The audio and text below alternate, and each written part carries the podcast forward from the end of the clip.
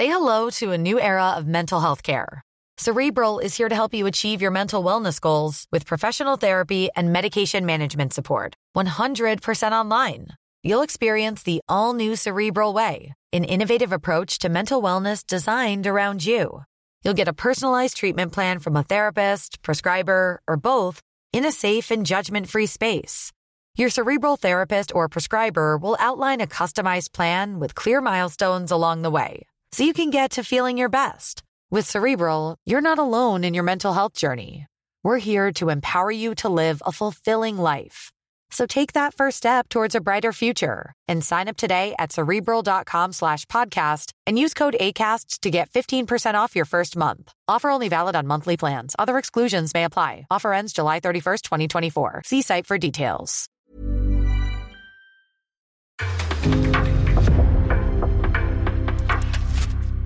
En podcast från Aftonbladet.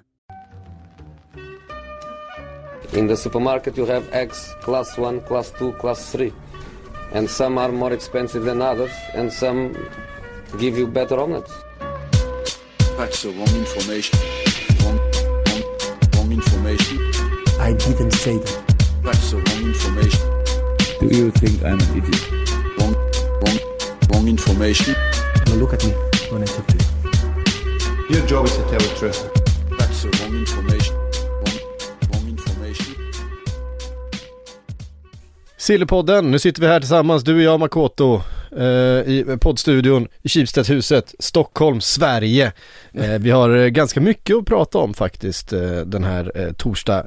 Ja vad ska man, det är inte ens eftermiddag än, eh, någonstans mitt på dagen. Vi har precis det, det är käkat lunch. lite- Ja, det är lunchtid, kan man säga det? Precis käkat lunch, eh, har gjort. Och vi ska eh, börja med att eh, prata Chelsea.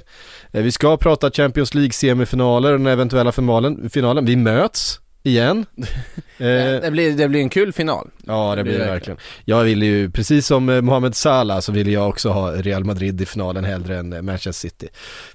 Det bara känns som att Alltså en final i, i, eh, i Europa ska vara mellan, alltså man vill ha du vet de två, alltså två stora giganter från olika länder. Det är ju liksom hela poängen med, med eh, turneringen liksom, att de, de största från, som normalt sett inte möts, ska få mötas. Det hade ju varit jättetråkigt att få, alltså England versus England ännu ett år. Ja och dessutom eh, Liverpool mot Manchester City för fjärde gången den här säsongen Men liksom. all logik pekade på att det skulle ha varit Liverpool mot Manchester City, men kommer ju in på det också Ja. att, eh, ja.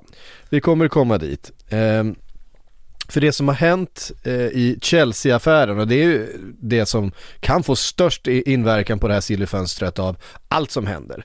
Eh, det som är det mest centrala just nu är att jätteklubben Chelsea såklart som ni vet är ute till försäljning. De håller på att plocka in bud, det finns några som har gått vidare och några som har fått att företräda att börja förhandla om den här, eh, eh, Eh, det här köpet. Då kommer ett avslöjande från The Times att eh, de här 1,6 miljarder punden, alltså motsvarande typ 19 miljarder kronor eh, som eh, Abramovic först har sagt att nej, de, de skriver vi av, jag var aldrig in liksom i det här för, för pengarna, det är alltså pengar som han har lånat ut till klubben. Det är enormt mycket pengar. Alltså det, det säger någonting om eh, finanserna och hur det här Chelsea liksom har varit uppbyggt under alla de här åren. Vi brukar gnälla på Manchester United har stora skulder. Jag tror att Manchester United som klubb har 6-7 miljarder i skulder. Eh, Jag börjar gnälla till- på de spanska lagen och skulder. Ja, vad, vad, vad, ja, vad de nu har för skulder, men det är ingen av dem som har skulder på 19 miljarder. Eh, och det är klart att om då, ja det skulle kunna vara, Barcelona skulle kunna ha skulder Nej, men 19 de, de, de, var, de var uppe och petade på 10-12 men de, de har väl omförhandlat det med lite smartare låneuppbyggnad och Ja. ränta och allt vad det är. Och här handlar det då om 19 miljarder till en enda person. Eh, och som han först sa då, det här skriver vi av, det här finns inte. Det är ju en helt annat, ett helt annat köp. Att köpa en klubb med 19 miljarder i skuld eller en, en klubb utan 19 miljarder i skuld. Eh, så att huruvida det här om han ens kan kräva in de här pengarna, det vet vi ju inte heller. Eh, det skulle ju kunna bli så att eh, brittiska staten säger att nej, tyvärr, eh, vi har beslagtagit den här klubben nu och de här pengarna ehm, får du aldrig se igen. Det är fortfarande så att det är en skuld som finns och så länge som han själv inte skriver av den så kommer den här skulden på något sätt ligga kvar även om den, den kanske läggs i någon slags malpåse. Och det påverkar ju också då det eventuella köpet. Eh, och det här stökar ju enormt mycket eh, du ska säga det här är uppgifter än så länge, det här är inte bekräftat än men det här är, det här är Times uppgifter eh, som vi nu behandlar. Och det stökar ju i det här köpet enormt mycket därför att det är från början en ganska svår affär att genomföra på så här kort tid. Eh, du har eh, ett par olika intressenter eh, som såklart där kalkylen är skriven utifrån att den här skulden då inte finns. Och det kommer ju liksom påverka allting. Dessutom så jobbar man med en ganska kort tidsram här därför att Chelsea måste presentera en affär Eh, nu kommer jag inte ihåg vilket datum det är. I, 8 juni Ja, det, det, det, är i, i början av juni. Mm. De, måste, de måste presentera sitt upplägg, hur de ska betala sina löner, eh, vem som äger, allt det här måste vara klart för att de ska få sin licens att fortsätta spela Premier League. Eh, det är inte svårare än så, så det här, det är verkligen med kniven mot strupen. Ehm, så frågan är vad som kommer hända nu, Makoto. Ja det är så otroligt svårt att veta. Eh, det, var, det så, kändes ju som att det var så att Todd Bowley, och alltså mm. LA Dodgers ägaren, hade då fått förtur att börja förhandla och att det var där dit det var på gång. Eh, sen var det ju en viss eh, brittisk miljardär som var inne där också. Som, som också var intresserad, men det verkade bli Todd Bowley. Det var ju det som uppgifterna tydde på. Och sen kom ju de här Times-uppgifterna som på något sätt lägger allting upp och ner. För nu vet vi ju inte riktigt vad som händer. Det är ju så att Abramovic sägs ju då ha har fått lite mer pengar beslagtagna, lite pengar han har mm. gömt borta i ett skatteparadis som man kanske ja, inte räknat runt, med. Runt eh, 75 miljarder eller vad det var. Nå någonting, väldigt många nollor. Hur som eh. helst, om någon är skyldig dig 90 mil 19 miljarder kronor så vill vi ha tillbaks dem.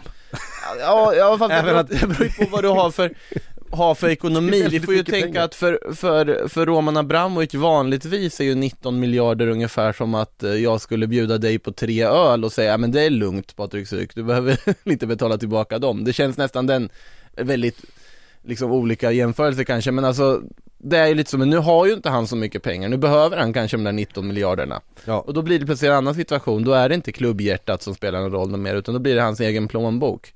Och det säger väl en hel del om, alltså tu, tu, hur tudelat det här ägarskapet på något sätt är såklart att Roman Abramovic bryr sig om Chelsea. Det har han ju alltid gjort, det har varit ganska tydligt tycker jag under hans ägarskap, men samtidigt mm. så hans grundinställning från början när han köpte in sig i klubben var ju inte för att, ja jag tycker om Chelsea så pass mycket. Uh, jag vill göra Chelsea till ett fantastiskt lag, utan det fanns ju såklart egenintressen i det. Och det blir ju på något sätt alltihopa tudelat. Och nu sitter de verkligen i, i skiten, bokstavligt talat, för att det är en månad kvar som de måste få igenom det här. Vi får väl se vad, hur mycket det ligger i de här uppgifterna om Roman Abramovic kanske ändrar sig ändå när han inser att okay, Chelsea kommer att försvinna om jag kräver de här pengarna. Eh, men samtidigt, han ska ju ha sin eh, kaviar på bordet också. Så att det är, det är en knivig sits, men det är helt omöjligt att veta vad som ska hända. Ja, det är... Mm, det är helt omöjligt att veta hur, hur det ska gå. Det känns ju som att om det blir någonting så är det väl Todd Bowley som ska ta det, men om de ska köpa klubben med 19 miljarder i skulder, då kan ju mycket väl samtliga rygga tillbaka mm. och säga att de inte är intresserade av mer. Mm. Eh, och deadline för själva köpet ju är ju eh, den 31 maj. Eh, så redan där, där har vi mm. Mindre än en månad bort. ja, vad det nu blir. Tre och en halv vecka. Mm. Eh, nästan fyra veckor. Och sen är det då ehm, den 8 juni som är nästa datum. Eh, det är de två datumen för att det finns en risk för att eh, Chelsea helt enkelt kan bli tvångsdegraderade för att man inte har en fungerande organisation. Nu tror jag verkligen inte att det kommer hända, jag tror att de kommer lösa det, jag tror att de kommer få, behöver de så kommer de få respit på den här tiden, de kommer få respit för sin elitlicens och så vidare. Eh, i alla fall i tid framåt. De kommer ju inte kunna starta säsongen utan att ha en, en fungerande verksamhet De kommer inte kunna ha den här situationen med en klubb utan, eh, utan riktig ägare eller en ägare som är sanktionerad eh, med alla tillgångar frysta mm. utan möjlighet att göra affärer. I den situationen kommer de inte kunna starta nästa säsong. Så är det, så det här måste lösa sig.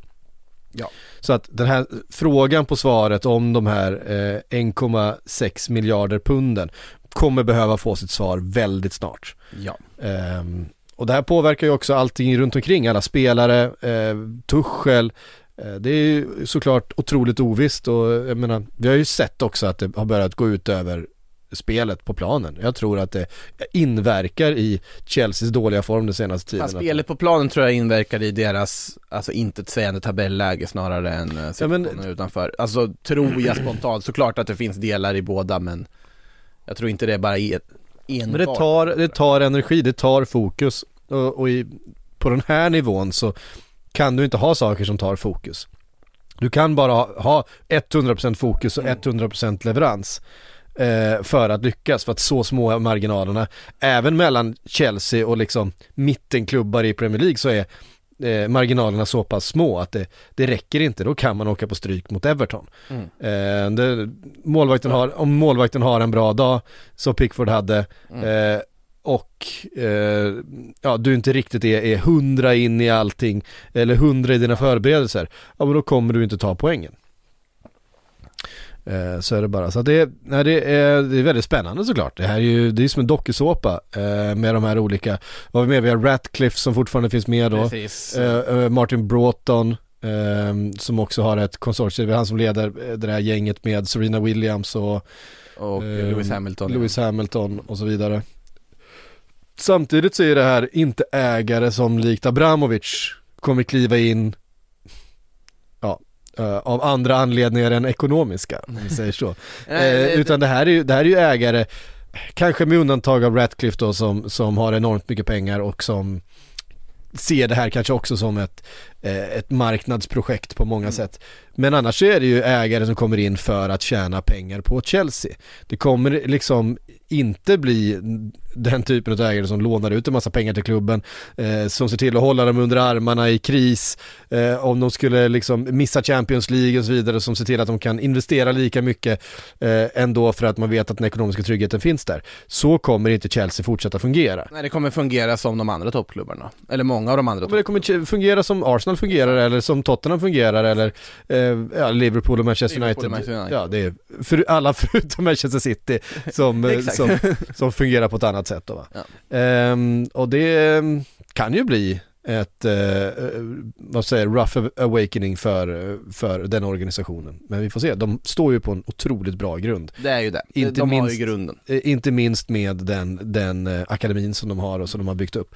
Eh, Och sen såklart en, en fin trupp eh, värd väldigt mycket pengar med, med eh, ganska långa kontrakt kvar på, på flera duktiga spelare. Så att det är inte så att de kommer trilla av en, en klippkant här men det, det kommer inte se ut som det har gjort de senaste 15 åren. Nej, men ägarskapet måste lösas, punkt. Det kan vi konstatera. Ja det måste lösas. Ja, eh, det. och som sagt det är tre och en halv vecka kvar jag tror att, jag tror att det kommer lösas. Eh, sen får vi väl se då ifall eh, det helt enkelt eh, brittiska myndigheter kliver in och drar upp, alltså ritar upp eh, vad som gäller för de här skulderna, för de här pengarna, för intäkterna, Mm. för, för värderingen utav, eh, utav den här klubben. Eh, för det tror jag de kommer blandas i på ett eller annat sätt Ja. eh, för att det här ska lösas.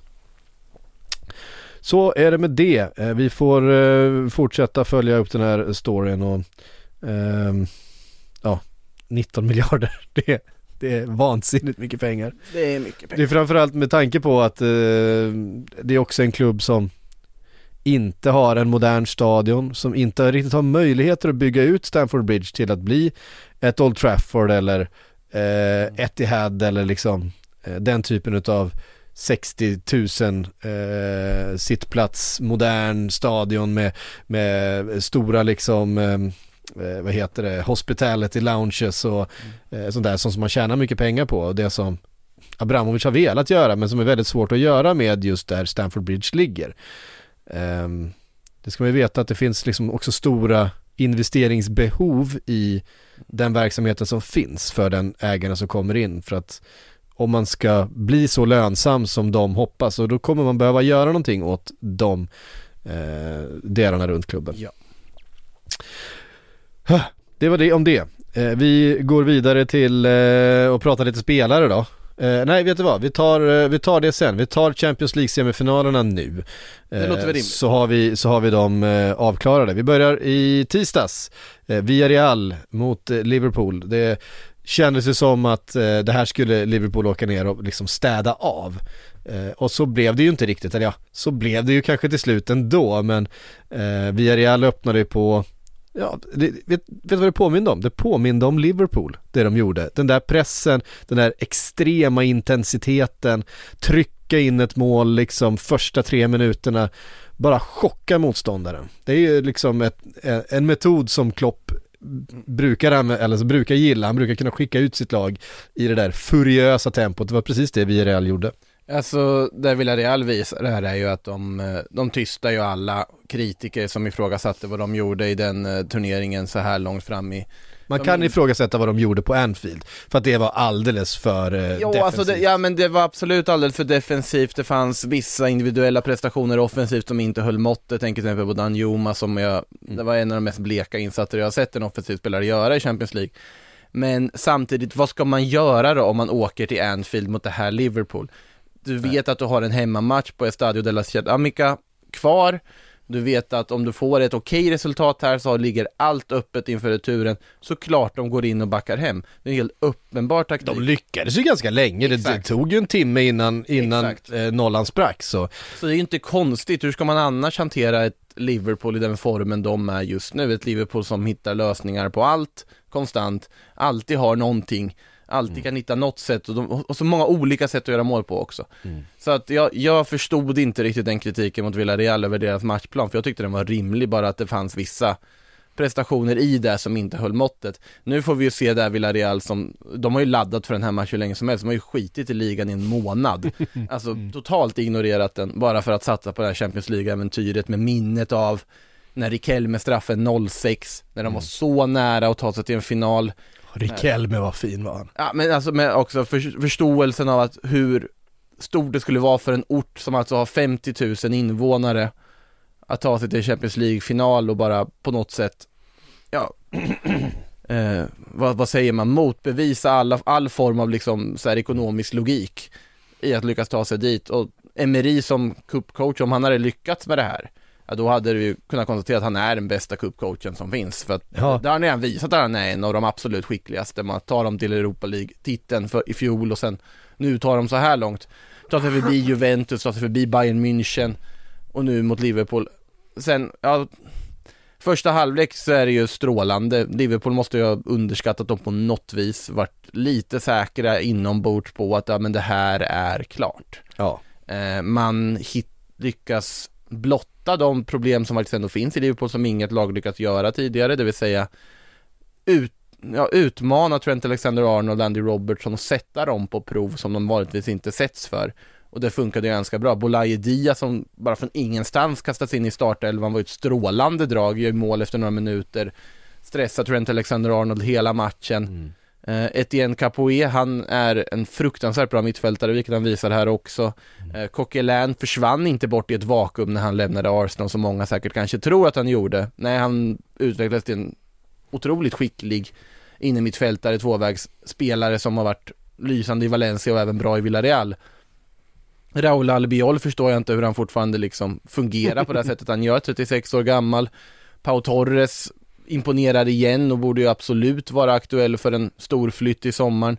Är många spelare som lyfter sig i den här matchen som de inte gjorde i det första mötet, men de orkar ju inte. Och Liverpool i år är ja, ett av världens absolut bästa lag. Och det visar de ju i andra halvlek när man bara gör ett byte, du får in Luis Diaz, du får in injektionen du behöver.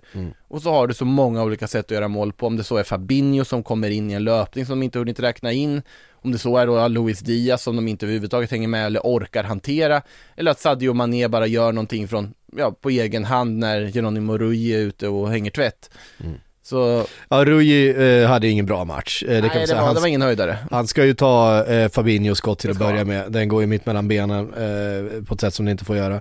Eh, Luis Diaz nick är inte jättebra. Sen att att det går in en nick från det eh, läget, det, det kan vi inte lasta Rui för, för att han hinner inte göra så mycket. Det är ju lite tur för Luis Diaz att den bollen går mellan benen på honom också. Mm. Och sen så är han ju ute och hänger tvätt på sista. Men eh, det jag tror det som hände framförallt för att ehm, det var intressant att Klopp sa efter matchen att ja, men när vi har haft en, en eh, första halvlek där det inte riktigt har fungerat då ber vi videocoachen eh, ta fram en sekvens där vi fick det att funka så tittar vi på det så ser vi så här måste vi göra för att det är liksom ett effektivt sätt. Och jag skickade iväg honom göra det, han kom tillbaka och sa det finns ingen.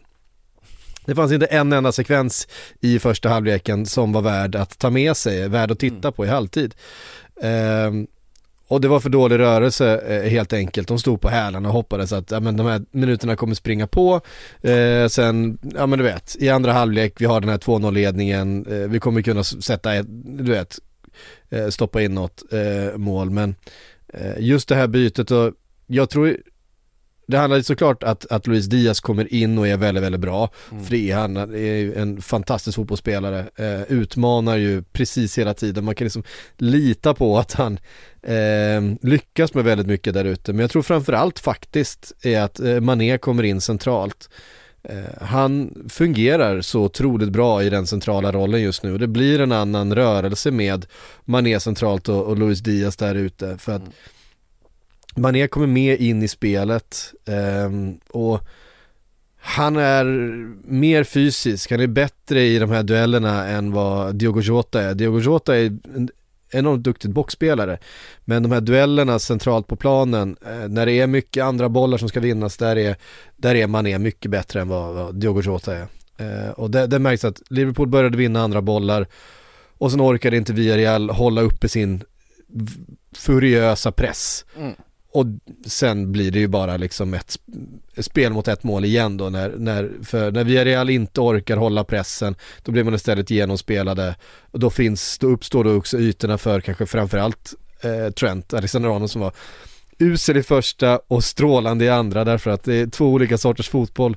Eh, och Ska man stå lågt och nicka bort bollar och vinna sånt, då är det inte en högerback man ska ha. Nej, det... Ska man parkera på offensiv planhalva och ha någon som kan suga in och fördela och stå och spela trianglar och hitta mm. och, och bryta linjer eh, eller skruva in eh, inlägg med fel fot, eh, han slår ju faktiskt den med vänstern.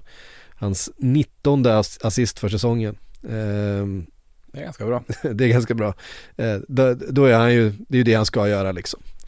Um, vi får väl se, Manchester City kanske får ta in eh, Unai Emery eh, i framtiden då om Peps, eh, när Peps kontrakt går ut. För att eh, de misslyckas igen i Champions League. Ehm, de, de, har byggt det som många kallat världens bästa lag eh, under de senaste åren. Men de lyckas inte ta den här Champions League-bucklan. Och man hade allt, man var sex minuter ifrån en, en andra rak final med två bollar upp och helt plötsligt så bara vaknar Real Madrid.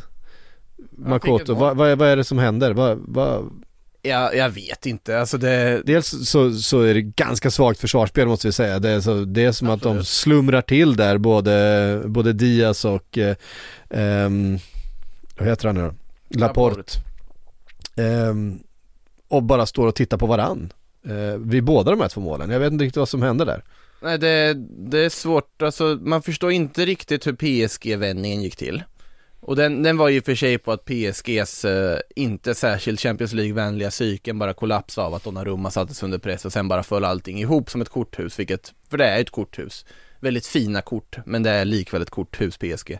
Eh, och Karim Benzema i den formen han är. Chelsea så var det ju snarare så att, ja då blev ju den vändningen baserades väl på något sätt på att man bara vaknade till liv efter att ha tappat en tydlig ledning på ett annat sätt och eh, också individuella prestationer, Modric och Benzema och allt vad det var där. Den här är ju mer osannolik och den, man förväntar sig inte den här på något sätt för att det var ju avgjort. Det fanns ingenting, det kändes som att de här, för att vara Ancelotti, väldigt vågade och offensiva bytena inte hade gett någon frukt överhuvudtaget först. Eh, och sen så då får Rodrigo, som är i jättefin form ska sägas, mm. en chans, gör mål, nästa minut, en till chans, ett till mål. Och sen får han ju faktiskt en tredje chans direkt efter också, där som inte blir mål och sen var det först i förlängningen när Benzema sätter straffen som det avgörs men Nej, jag, jag förstår inte överhuvudtaget hur det här Real Madrid lyckas gång på gång vända. Nu har de alltså ja, mirakelvänt mot ja, tre av världens absolut bästa lag för att ta sig till den här finalen och det med en trupp som egentligen inte ska hålla för det. De avslutar den här matchen med spelare som Jesus Vallejo och Dani Ceballos i startelvan. Eller i slutelvan då blir det ju naturligtvis. Mm. Man har alltså då Modric, Casemiro och Kroos är utbytta när förlängningen börjar. De här, den här mittfältstrion som man har sagt är så helig och så viktig. Eduardo Camavinga som har kommit in och förändrat matchbilden i alla de här tre mötena. Den här unga mittfältaren som ju många upptäckte här under gårdagen tror jag. Mm. Eh, man avslutar matchen utan Karim Benzema och Vinicius på planen med Asensio centralt och en Rodrigo i superform. Det här på något sätt var ju den vändningen som mest visar att okej, det finns faktiskt någonting här mer än bara individuella prestationer. Det finns en framtid, det finns några som kan ta över manteln efter de här veteranerna som har burit laget under hela säsongen. Eh, jag vidhåller att Real Madrid skulle kunna vara betydligt mycket bättre. Jag vidhåller att Real Madrid på något sätt, jag vet inte hur de lyckas för att jag tror det var, det var väl vet du, Gusten Dahlin i simor studion som sa det, de har ju varit bra i 40 minuter av den här liksom slutspelet och jag håller ju helt med. Real Madrid har varit bra i väldigt små perioder men det har räckt för att de har varit helt utom, utomjordiskt bra i de här små minuterna. Och det är allt som har behövts för dem. Eh, och nu spelar de CL-final och vanligtvis skulle man säga, men Liverpool är ett bättre lag på alla sätt och vis egentligen här och nu. De har ett bättre fungerande spel, de har ett bättre försvar, de är vassare på alla sätt och vis. Men, men Real Madrid kommer ju vinna det här. Det, det, det, liksom, det, det finns ju inte något annat. Alltså det, sättet de lyckas gång på gång på gång. Det ska ju inte finnas att de inte vinner den här finalen också. Jag, jag vet att jag sa det 2018, men då var det ju så att då hade ju Real Då Madrid var ju Real Madrid stora favoriter inför den matchen. Ja, och de var ett helt annat lag som inte förlorade finaler. Den här gången har de ju på något sätt jag vet inte hur de har lyckats, men det har ju varit great escape till varenda. De hade ju egentligen sett till hur de spelat och åkt ut i gruppspelet. De förlorade mot ett gäng eh, Nej, rent spelmässigt så skulle jag hålla Liverpool som favoriter i finalen. Men rent, men eftersom. Real, Real, Madrid har sin egen logik Ja. så kan man ju inte säga det. De, de, de, eh, de borde varit utslagna både i kvart och semifinal Åttondel. och åttondel. Framförallt åttondel, där de blev fullkomligt utskåpade mot PSG. Ja, just det. Eh, Ja, det var det jag tänkte på, jag glömde, jag blandade ihop det. Vilka hade de i kvarten? eh, det var Chelsea. Det var Chelsea, just I, det. I förlängningen där och allt vad det var Ja, där. precis. Eh, Ja, herregud. Det är ett lag som förlorade mot, eh, mot ett lag från Transnistrien, FC Sheriff, som var och mötte AIK för x antal år sedan i gruppspelet, med, med, hemma på Bernabéu. Det, det ska, de förlorade ett klassiko med 4-0 i år mot det här Barcelona. Mm. Det ska inte gå att de gör de här vändningarna de gör och det, det finns ingen logik i det. Alltså, jag tycker det är konstigt till att börja med. Här gör faktiskt Real Madrid en ganska bra match om man jämför med många andra av dem vi har sett till, till början. Eh, sen förstår inte jag varför City har den maskande defensiva approach som de väljer. Jag förstår inte varför de väljer en sån taktik mot Real Madrid som de, om de spelar på den nivån vi vet att Manchester City kan göra och bara utnyttjar det här läckande försvaret, ja då, då skulle de kunna vinna den här matchen ganska komfortabelt och bara, bara liksom dra ner tempo. Sen har man ex- extremt hög respekt för vad Vinicius kan göra, vad Karim Benzema kan göra, vad Luka Ja. Modric kan göra, absolut. Men jag tycker det med facit i hand en väldigt konstig approach att börja maska från minut ett Ja. med ett mål till godo. Ja, verkligen. Kyle Walker, eh, det märks att han har haft problem senaste tiden. Han var ju småskadad eh, under matchen här också. Var ju på väg ut, spelade vidare eh, och så Kanske vidare. gick att argumentera för att han skulle ha åkt ut tidigare med tanke på tacklingarna. Ja, Nej. nej, men han var, han var inte bra. Han slog bort en hel del bollar, han kom sent in i tacklingar. Han, Fast bra var han ju på att han stängde ju Vinicius helt och hållet. ja, men det, det, det gör han ju. Han, han, är ju. han är ju snabb, eh, Kyle Walker. Det kan det, Otroligt skicklig försvarare. Ja, eh, nej men det är det verkligen. Men just det där, ehm, alltså uppbyggnadsspelet på den kanten kom av sig för att han slog bort ganska mycket bollar och det såg, ehm, ja, det var väl kanske också för att han hela tiden hade ett, ett öga defensivt mer än vad han brukar ha. Eh, just med tanke på att eh, Vinicius, ja, vad han kan göra liksom.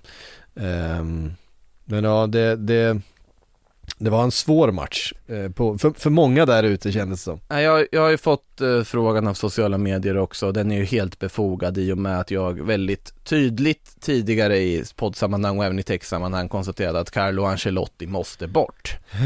Ehm, nu sitter han här med eh, solglasögonen och cigarren i mun, har säkrat ligan i april, Mm. tagit det här Real Madrid till en Champions League-final, ingen överhuvudtaget förstår hur de skulle kunna ta dem alltså ta, hur de skulle kunna ta sig dit mot det motståndet de har gjort. Um, alltså jag, jag, jag förstår inte, det ska inte kunna gå, men samtidigt är det uppenbart att en tränarprofil som Carlo Ancelotti som också här i förlängningen då går till de veteranspelet, går till Toni Kroos och Marcello i förlängningen och frågar vilka byten ska jag göra? Att han rådfrågar med spelarna att han har den relationen han har med spelarna som han bevisligen har som man såg på alla firarbilder från ligatiteln när han står och dansar med eh, liksom brassespelarna och Ancelotti sa ju det också efter att nej jag röker inte cigarr egentligen men den här mm. bilden tog jag tillsammans med mina vänner. Han ser spelarna som vänner, han är älskad av spelartruppen. Eh, till stor del också för att han kanske också låter dem göra lite som de vill väldigt ofta. Är otroligt tydlig på bänken, gör många, tar många beslut och som man undrar varför gör du så här, Carletto? Han kan fortfarande inte rotera truppen till, till fullo som man borde göra eller ge vissa spelare så mycket speltid som man kanske borde. Men han vinner ju saker. I alla ja. fall i Real Madrid och, och, han, han som tränarprofil passar uppenbarligen Real Madrid perfekt. För vem är det Zinedine Zidane har fått sina styrkor ifrån? Jo, det är från att ha gått bredvid Carlo Ancelotti innan på det här med manhandling, hantera en trupp, hantera stjärnor. Det finns ingen som är bättre än det, på det än Carlo Ancelotti. Nej. Sen vet jag inte om Real Madrid ska bygga något i framtiden, ja då vet jag inte om Ancelotti är rätt person, men det får väl framtiden utvisa. Men jag kan inte med gott samvete sitta här och, och liksom eh, naivt hålla fast i åsikten att Ancelotti måste bort i sommar. Du kan inte säga det om en tränare går och vinner, ja kanske vinner dubbel. Eh, för uppenbarligen funkar det. Det ser inte bra ut majoriteten av tiden men uppenbarligen så vinner de saker och det är väl precis så Real Madrid har fungerat genom åren också. Mm. Eh, så där har vi det. Mm. Liverpool mot eh, Real Madrid i finalen. Vem plockar Sala denna gång? eh, den stora skillnaden är ju att Liverpool står ju inte och faller med Sala den här gången. Så är det ju. Eh, som vi uppenbarligen gjorde då. Ehm, då han var vår överlägset bästa spelare. Eh, det, det ser annorlunda ut mm. nu faktiskt. Eh, Luis Diaz skulle mycket väl kunna vara lika av, eller Sadio Mané för den delen. Um, det är ett mycket bättre Liverpool än 2018. Ett mycket bättre Liverpool, ett mycket bredare. Det finns mycket fler alternativ. Det finns en Thiago som, ja, alltså James, jag älskar James Milner av hela mitt hjärta men han är, han kommer aldrig, han har aldrig varit, han kommer aldrig vara ett Thiago Alcantara. Eh, nej men det finns en dimension i, i, i spelet som inte fanns då. Ja men all logik, som sagt, all logik, allt liksom sportlig kvalitet, trupp, bredd, position för position, lagdel för lagdel, välj vilken parameter du vill. Liverpool är favoriter.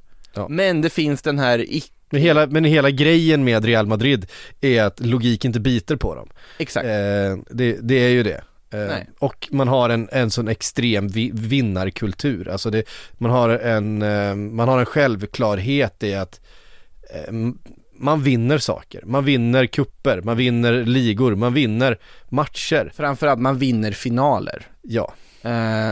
Du vet inte hur många i rad det är Real Madrid har nu av vunna finaler i Champions League. Mm. Om man tittar på spanska lag när de har mött icke-spanska lag i Europafinaler under 2000-talet, tror jag det är 16 raka som spanska lag har vunnit. Ja. Alltså då, då räknar vi även med Barcelona i finaler, vi räknar med Villarreal och Sevilla i Europa League-finaler. Mm. Och såklart Real Madrid i Champions League-finaler. Spanska lag i finaler, sett i hela 2000-talet, förlorar inte finaler. Nej. Och det, frågan är, bryts, trender är ju såklart till för att brytas. Jag skulle inte bli förvånad om Liverpool visar vilket extremt bra lag de har lyckats bli under Jürgen Klopp och vinner den här finalen också. Det, det säger all logik egentligen, men man, man kan inte vara förvånad om Real Madrid löser det igen på något konstigt vänster och antagligen via någon vändning i slutminuterna då. Say hello to a new era of mental health care. Cerebral is here to help you achieve your mental wellness goals with professional therapy and medication management support. 100% online. You'll experience the all new Cerebral Way, an innovative approach to mental wellness designed around you. You'll get a personalized treatment plan from a therapist, prescriber, or both in a safe and judgment free space.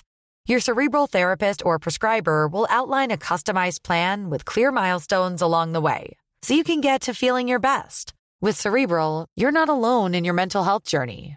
We're here to empower you to live a fulfilling life. So take that first step towards a brighter future and sign up today at cerebral.com slash podcast and use code ACasts to get 15% off your first month. Offer only valid on monthly plans. Other exclusions may apply. Offer ends July 31st, 2024. See site for details. Eh, Kan väl också nämna det att Jürgen Klopp har skrivit på en förlängning av sitt kontrakt. Eh, blev klart där i förra veckan. Mm. Eh, det var ett, eh, ett fint besked för alla som håller på, på Liverpool. Det, det han har gjort där är ju helt makalöst. Men, alltså, eh, det är inte ett Manchester City som, som har obegränsade tillgångar eller kan eh, gambla hur man vill på, på transfermarknaden. Eh, det var ett, ett Liverpool som den säsongen slutade åtta tror jag i ligan med ett riktigt, riktigt trött gäng spelare som han har vänt och byggt till det de är idag. Eh, ett av världens absolut bästa lag eh, och med möjlighet att göra någonting som ingen annan har gjort förut. Alltså de är, de är uppe på nivåer som knappt Liverpool själva någonsin har varit på.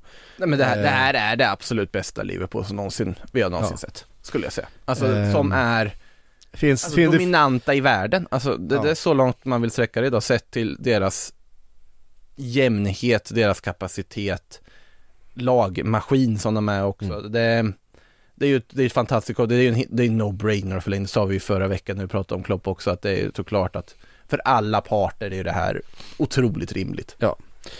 Ehm, vi eh, går vidare och tittar på lite spelare då. Lite silly season Lite silly season eh, faktiskt. Eh, Paolo eh, Dybala, Gazettan uppger nu att han har valt Inter.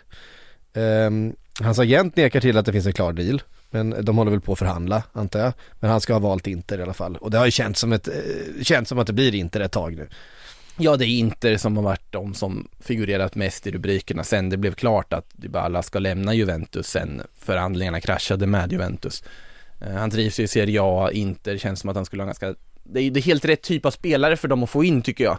Eh, vissa skulle nog inte hålla med mig där, men just i om man får behålla Lautaro, för det, det är ju inte säkert att man får göra, men det hoppas jag att Inter får göra nu, för att man skulle gärna vilja se hur ett tvåmannaanfall med Lautaro och Dybala skulle funka tillsammans. För vi har sett att Lautaro har funkat bättre när han fått en speltyp som Joaquin Correa bredvid sig snarare än en target som Edin Dzeko. Någon som sjunker ner, öppnar ytor, kan fördela boll. Dybala kan ju göra sånt fast det är väldigt mycket bättre än vad Joaquin Correa är och inte lika skadebenägen. Eh, så att det är väldigt spännande att se det argentinska samarbetet om de skulle få ihop det och få behålla Lautaro. Mm. Eh, men Dybala tycker jag är en klockren värvning för Inter. Jag förstår Dybalas val. Sen får vi väl se, som sagt om agenten säger att det inte är klart, det är ju många Premier League-klubbar som ska vara intresserade. United verkar ju vara lite sugna på honom i och med att Erik Ten Hag tycker om spelaren bland annat och det är en fri transfer som sagt och en väldigt skicklig fotbollsspelare. Tottenham är ju, det är ju inte nytt att de har varit intresserade av Dybala. Jag vill inte ta bort Liverpool ur eh, ekvationen än heller. Det kan jag göra. Du tar bort Liverpool ur ekvationen. Ehm, Milan vill ju vara där inne men då tror jag att det blir Inter snarare som har kommit längre i sitt projekt. Ehm, nej men det, som sagt om Gazetten skriver att han har valt Inter så tyder väl det på att det ändå är åt det här hållet det går. Ja, jag, jag, jag, är- det har känts som Inter länge, han känns kompatibel. Jag, att som sagt Lautaro och han skulle kunna göra någonting väldigt trevligt tillsammans. Eh, Manchester United nu, var, de, de ska alltså inte de, gå för det, nej. nej alltså du vet, ingen Champions League-fotboll, eh, ny tränare, det har varit väldigt stök, det kommer vara en stor rotation. Det här är hans sista kanske stora kontrakt han skriver, han är 28 år, fyller 29 år. Ehm, Tror han fortfarande känner att han vill bevisa någonting också? jag Alltså, tror också att han vill, Han han, vill inte lämna Serie A på det här Nej. sättet heller som, det skulle vara då om Barcelona knackar på dörren på att han ändå har, för om man backar bandet väldigt långt Ja men alltså verkligen, alltså det skulle jag kunna se, alltså att om Barcelona kommer in och säger hej, vi, nu, nu är vi redo att göra någonting här, vi vill Ja. det- Barcelona som då uppges inte vilja eh, trigga den här klausulen på Adama Eh, Så att de kommer vilja få in något offensivt Att det eh, blir väl snarare Rafinha då som man är väldigt benägna att försöka Mm. värva. Och så är det ju Lewandowski-soppan. Den, den ligger där och puttrar fortfarande för att Barcelona vill ha honom. Lewandowski är besviken på Bayern München. Bayern München vet inte riktigt vad de ska göra. Så att den, den kommer nog leva vidare också. Det är ett pokerspelande Det, är- det är Eh. ett pokerspelande. Det är, det är Lewandowski-poker. Det, det är inget att snacka om. ja. Ehm, Men eh, Paolo Dybala eh, till Inter, jag klubbar den här nu Nu klubbar Pang. den, boom. Ja, sen så eh, kan det ju gå som det går. Eh, eh, Nkunku, eh, supersuccé i RB Leipzig den här säsongen. Vad var det vi sa? 31 mål. Från 31 sin... mål på alla tävlingsmatcher, gjort 18 Mm. i ligan, gjort eh, 7 tror jag i Champions League. Eh, att det skulle funka så bra bara lägga honom som någon sorts släpande forward. Mm. Mittfältare i grunden. Det, det var ju ett genidrag uppenbarligen att placera honom på den positionen för där har han ju varit alldeles, alldeles strålande och man förstår ju varför toppklubbarna hopar sig kring honom för det är trots allt i Bundesliga och Champions League han har gjort de här målen. Det är inte i någon, vilken pissliga som helst liksom. Eh, och då är det ju United, City, PSG pratas det ju om, Bayern München såklart med i bilden eftersom att det är en spelare i Bundesliga. Mm. Ehm, United tror jag, frågan är riktigt vart man skulle få in honom i laget men det sägs ju vara en spelare man är väldigt intresserad av att värva in. Eh, sen är det ju fördelen med Nkunku att han kan ju användas lite längre ner i mittfältet och sådana gans- tvåvägsegenskaper också. Eh, men framförallt har han ju varit bra i den här släpande forwardsrollen bakom en striker. Alternativt som någon sorts falsk nia variant. Eh, så att, nej, det blir spännande att se. Han kommer ju kosta en del. Enligt Lekip så ska han vara helt inställd på att nu ska jag dra och ta ett superkontrakt i någon stor klubb.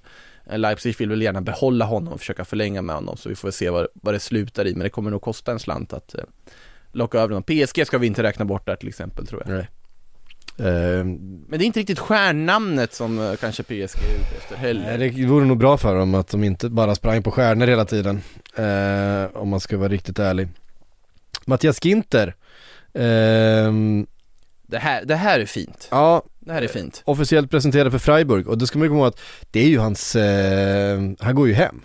Ja, och det, det häftiga i det är ju att men han kom ju till Freiburg som 11-åring Gjorde sina första A-lagsminuter på seniornivå i just Freiburg innan han flyttade vidare till Dortmund och sen hamnade han i Gladbach och det är ju Gladbach som han har utvecklats till en landslagsback och en, Mm.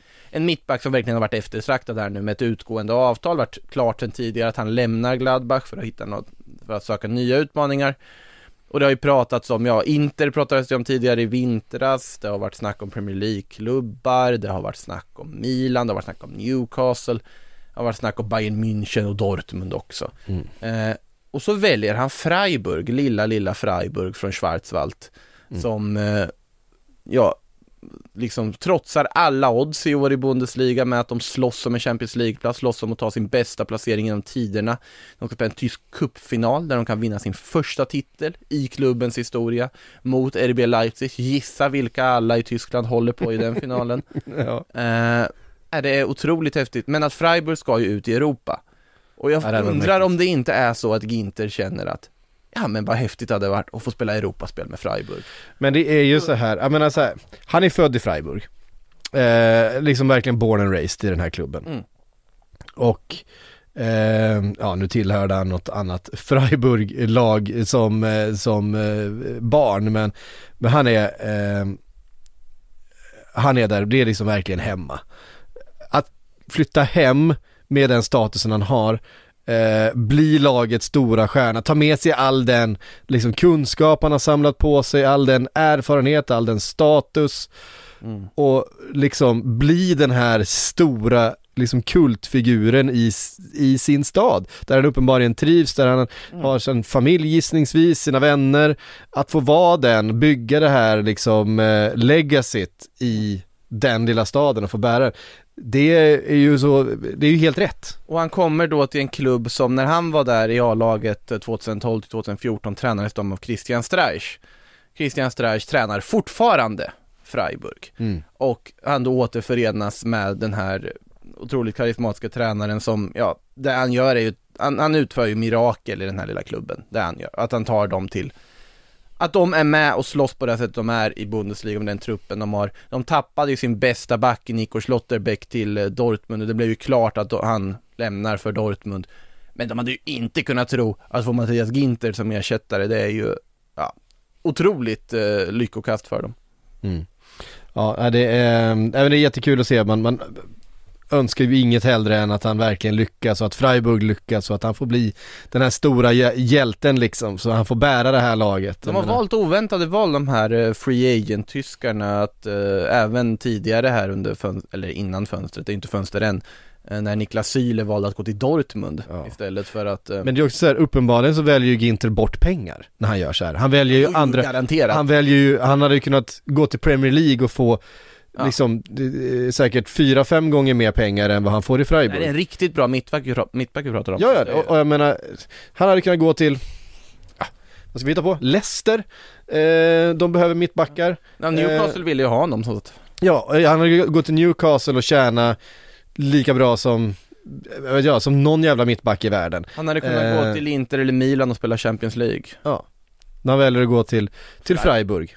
Ja, det, är, det, är, det är mysigt. Man önskar att fler fattade den Fler går typen till Freiburg Ja, att fler går till, men att folk fattade beslut ut efter sådana Mm. eh, såna värderingar. Um, Koulibaly hörde du. Är det dags? Nu, ska han fly- är det dags nu? eh, Barcelona sägs vara intresserade Ja, då. den, den är i och för sig, det är, det är en liten twist på det hela. Det brukar ju alltid vara att Manchester United eller Manchester City eller Liverpool vill värva Koulibaly och att det är Laurentis kräver en miljard. Det brukar ju vara standard, eh, liksom raderna när det kommer till Koulibaly. Nu ryktas han faktiskt bort igen, såklart. För det gör han ju alltid när det är dags för sommarfönster. Eh, Barcelona vill ha en ny till mittback, även om de har säkrat Christensen, även om de har förlängt med Araujo så verkar de vilja ha ytterligare en mittback. Jag eh, är väl lite tveksam till den prioriteringen när man har Eric Garcia och Gerard Piqué också eh, tillgängliga. Men oavsett verkar det vara så. Och eh, då är det ju, vi ska ju ta det med en nypa salt eftersom att det är AS, en Madrid-baserad tidning som skriver om Barcelona-relaterade angelägenheter så att men likväl Koulibaly ryktas vara av intresse för Barcelona och det har varit en jättebra värvning om de får igenom den. Eh, Koulibaly kostar nog inte lika mycket som han gjorde för några år sedan. Nu pratar inte en miljard någon mer. Kan vi knappast prata en miljard om Koulibaly nu va? Nej. Nej. Men, men såklart att vi måste ändå ha det ryktet någonstans eftersom att det handlar om Koulibaly som ska till en stor klubb. Men han är, han är 30 bast nu. Ehm, det, är- det är väl kanske samma sak där, det är hans sista stora kontrakt han skriver. Eh, eventuellt. Jag, jag tror han stannar. Han kommer ju inte gå någonstans. han kommer bli kvar igen. det, det, var- varför ska han gå någonstans? Det, det, det börjar bli tröttsamt liksom. Det är Sen- varje år. Sen blev jag förvånad när jag googlade på honom att han faktiskt är, inte är längre än 1,86. Han känns ju som en, han kän, alltid känns Nej, som en är, väldigt, han är inte så lång som man tror. nej, han har alltid känts som en, som en stor kille. Han är lika lång som jag är. Ja, ja, sjukt. Dig kan man ju tackla omkull. Ja, det, det är Eh. inte svårt. Han har lite mer muskelmassa tror jag. Ja, han är, han, han är rätt Garanterat mer vältränad. Han är svår, han är svårvält. Eh, nej men han är ju fantastisk, men det är ju det är såklart, går vi tillbaks några, några säsonger så var han ju uppe där bland de allra bästa mittbackarna i världen. Ja. Där räknar vi honom inte kanske längre. Inte riktigt, han är fortfarande en väldigt bra mittback ska sägas. Mm. Det är inte som att han, han har gjort bort det i Napoli direkt där under säsongen. Men eh, Men också, han spelar inte i Napoli som är lika bra längre. Eh, även om de har haft en bra säsong, eh, alltså bättre säsong än förra säsongen. Eh, fast det är väl Napoli. nästan nu United ska ge sig in om någon gång. Men de, de måste sluta köpa liksom 30-åringar som var som bäst för två år sedan. Ja fast till, till mitt, mittbacksfronten är det väl inte helt dumt att få in någon som bidrar med någon form av stabilitet. Nu, nu är jag i och för sig i, i den båt att jag tycker att man ska satsa på typ Lindelöf, Varann eller ge, ge Harry Maguire ändå en chans under Ten Hag och visa att han faktiskt inte är så dålig. Tycker du verkligen det? Ja, alltså jag ser inte mittback som det absolut största prioriteringen. Jag tror att det är ett systemfel snarare än ett indi- individfel. Eh, Men man kan mycket väl ha fel där. Ja, alltså Ja, men vad ska de göra då? De sitter med Maguire. Hur ska de skicka bort honom? Det är bara att hoppas att han kommer ut. Han kanske inte ska vara lagkapten och ordinarie, men jag tror att han absolut finns, det finns lite mittback i honom nu tror jag. Ja, ja, då får ju Ten Hag plocka fram det för att det har, vi, det, det har, det har, det har vi inte sett Om man mycket av inte den här gör det, då är det ju verkligen att nu, nu, nu, bort. Typ. Ja. Ja, jag är inte säker på att, eh, jag är inte säker på att det är rätt väg att gå för Manchester United. Jag tror att man kanske måste klippa de banden. Det har blivit, eh, vet inte, men det har blivit för, eh, för infekterat hela Harry Maguire-grejen tror jag för att det ska, ja, det är klart, några bra matcher och sen så är allt glömt du och så vidare. kommer ju inte Ja. kunna bli av med honom. Vilken Nej, det är väl problemet. det, det dök ju upp lite med Barcelona där, som hade varit ett otroligt roligt konstprojekt att se. Men det var ju nog snarare med att United öppnade för att använda honom i en förhandling för till exempel Frenkie de Jong. Mm. Eh, snarare än att Barcelona ska vara något vidare intresse för att plocka in honom. Där var det snarare snack om att om det ska vara någon form av bytesaffär så var det Scott McTominay och Antonio Elanga som skulle vara av intresse för Barcelona. Mm. Eh, tror jag ju varken den ena eller andra kommer vara särskilt intresserade av att gå till Barcelona eller aktuella för att gå till Barcelona. Och jag tror inte de vill ha en swap deal, de ska bli av med Frenkie de Jong. Då vill de ha pengar på bordet. Ja. Ehm, när vi ändå är i Manchester United, Jesse Lingard eh, ska ju då eh, vara bestämt sig för att lämna Manchester United. Han blev ju, eller det var väl hans bror som skrev eh, på sociala medier efter, eh, de hade sista hemmamatchen nu i, i, eh, i veckan. Eh, och Jesse Lingard, sen gick de ju det här varvet runt och tackade supportrarna för sista matchen eh, och så vidare för säsongen. Eh, och Jesse Lingard blev då inte inbytt i vad som då blir hans sista match i Manchester United efter att ha spenderat hela sitt liv i den klubben. Um, sista hemmamatch. Hans, ja men sista hemmamatchen i, i, i den eh, klubben. Um, och det är klart att man kan vara besviken och så vidare eh, över det. Och jag fattar också symboliken i det. De ledde med 3-0 mot Brentford. Eh, släng in honom liksom. Um, nu gjorde man inte det. Här, här tror jag i och för sig att det fanns också en aspekt i att eh, eh, med att det var tre byten till, tillåtna. Eh, för att om man tittar på där han bytte in, för det var ju, man, Ragnik gjorde ganska fint i att han ändå tog ut Nemanja Matic och Juan Mata som fick chansen från start för att de Mm. fick applåder från läktarna. Han valde att plocka in Edinson Cavani, han valde att plocka in Phil Jones. Eh, som också då fick lite speltid. Eh, Fred var ju det första bytet men där var det fortfarande 2-0. Ja, ja, sen trots det, det är väl någon form av förmildrande omständighet, men jag tycker faktiskt att det är lite dålig stil att inte ge honom no några minuter och avtacka, för det är en spelare som verkligen gett sitt allt för United, varit trogen United, varit med när det har blåst som, ja, blåst som kallast.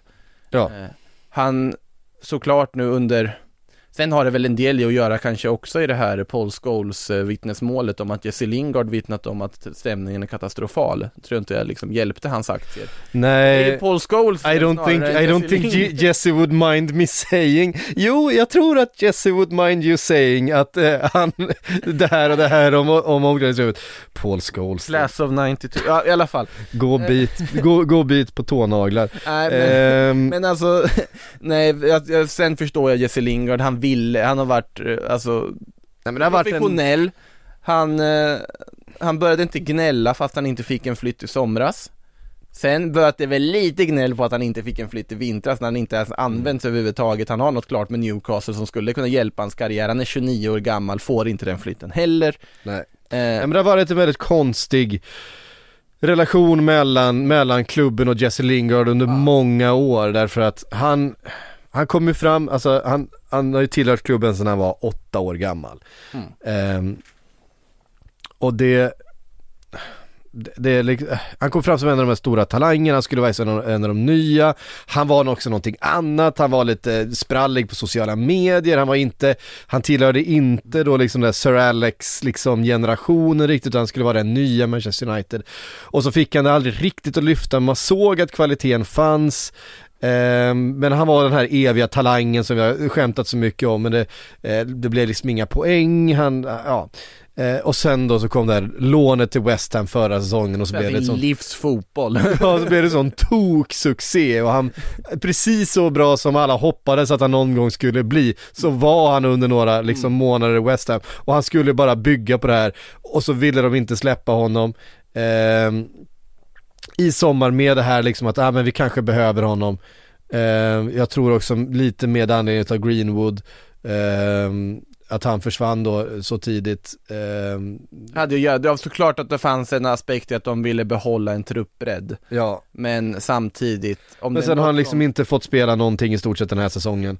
Eh, och mm, det har varit en, en, eh, en konstig relation under ganska många år mellan Jesse Lingard och han har också på något sätt få, eh, fått liksom representera en period i Manchester Uniteds eh, liksom historia som har varit liksom Väldigt tung. Ja men den har varit tung och, och komplicerad och trubbig och eh, man har inte riktigt vetat vilken identitet man ska ha och det är det gamla gardet som liksom tycker att, ja men vad fan, sluta liksom lägga upp memes i sociala medier, sluta eh, hålla på och tramsa som man tycker då att Jesse Lingard har gjort ganska mycket. Han har liksom inte, han har inte landat hos den generationens Manchester United-supportrar. Eh, samtidigt som han inte har levererat på planen heller såklart. Men det säger ju en del också, de klubbar som ändå kopplas till honom nu, att det är klubbar som PSG, Juventus och Milan. Ja. Det säger en del om att den där halvåret i West Ham gjorde nog ganska mycket.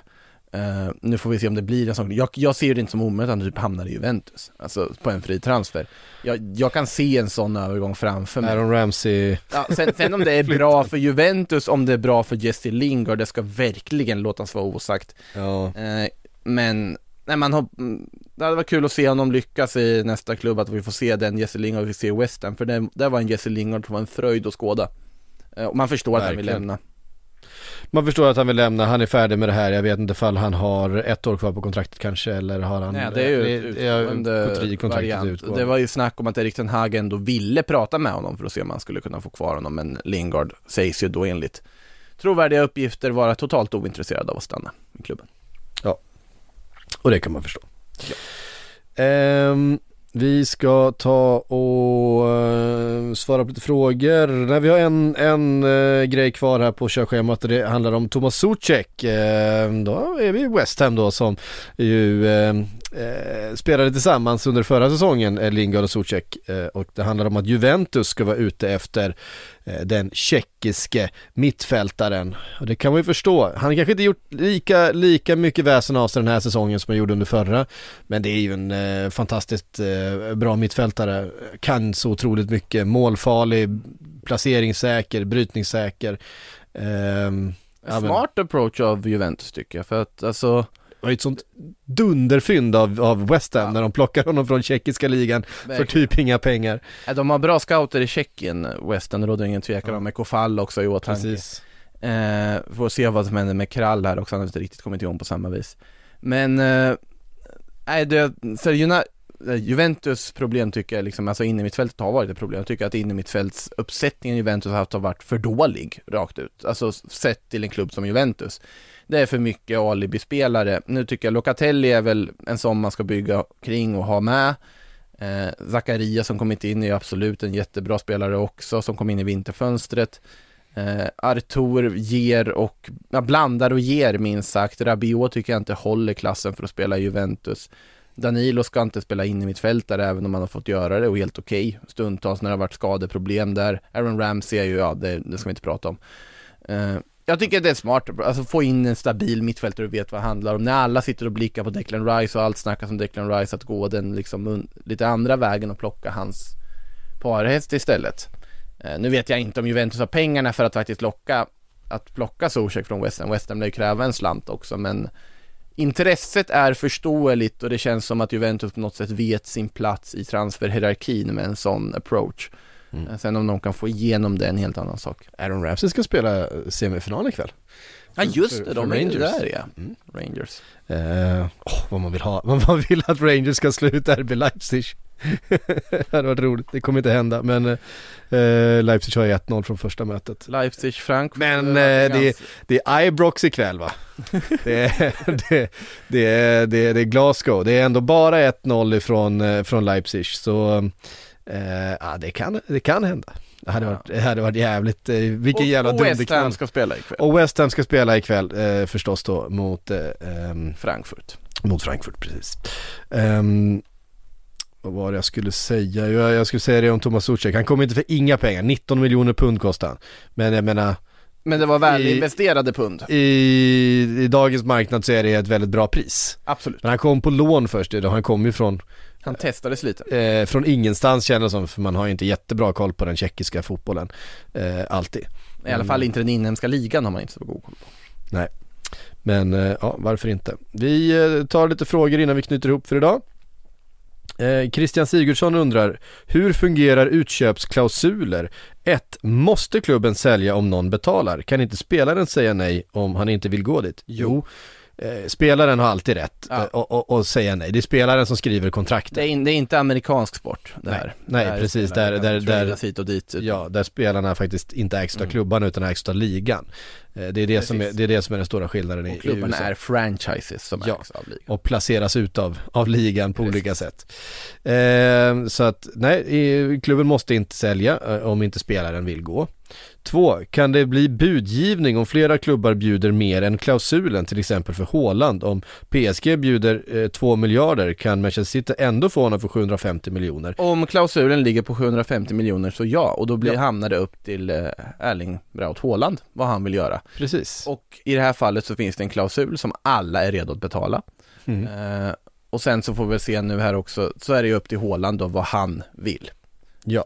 Och, Nej eh, det, det, det, går inte att, det går inte att buda för att det, det är inte, när klausulen är betald så är eh, klubben ut ur bilden. Så där finns liksom ingen, ingen eh, de är inte med i bilden i förhandlingen längre utan 750 miljoner då har spelaren rätt att skriva på. Precis. Eh, Och den klausulen ska ju finnas, så det är ganska uppenbart. Eh, sen finns ju en annan aspekt i Haaland-fallet, sen tycker jag att det, det är allt för tidigt att börja gå in på att diskutera hur hur, vad heter det, Mino Raiolas bortgång egentligen påverkar spelare på det här liksom cyniska viset. I det här fallet med Håland så såklart det finns mellanhänder som ser till att den här övergången kommer ske oavsett vad som har hänt där. Mm. Eh, Max Svensson skickar ett helt batteri med frågor men vi kan väl ta den första, den rör eh, Chouameni, vart hamnar han undrar han. Eh, Det är många som, eh, det är många som är ute efter Haaland, det är många som är ute efter Chouameni. Eh, inte minst våra klubbar då som möts i Champions League-finalen har ju ryktats. Båda vill ha honom. Precis.